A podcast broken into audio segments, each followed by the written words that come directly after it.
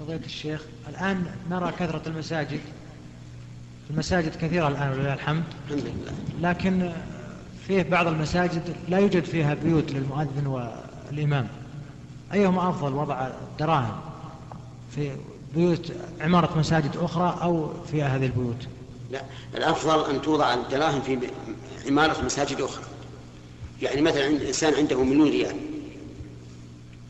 وأنفق على هذا المسجد سبعمائة ألف وبقي عنده ثلاثمائة. يقول هل الأفضل أن أضعها في مسجد آخر أو أن أبني, بها بيتا أو بيتين للإمام والمؤذن؟ نقول الأفضل أن تضعها في مساجد أخرى خصوصا إذا كنت أنت وكيلا.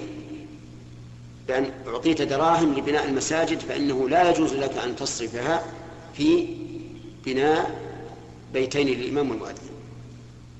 ولو يعني كانت بحاجة. لأنك وكيل. نعم. ولو كانت بحاجة. أبدا ما ما بحاجة المسجد سيقوم سواء كان للإمام والمؤذن بيت أو أم لم يكن صحيح أنه يعين على وجود الإمام والمؤذن لكن مو حاجة.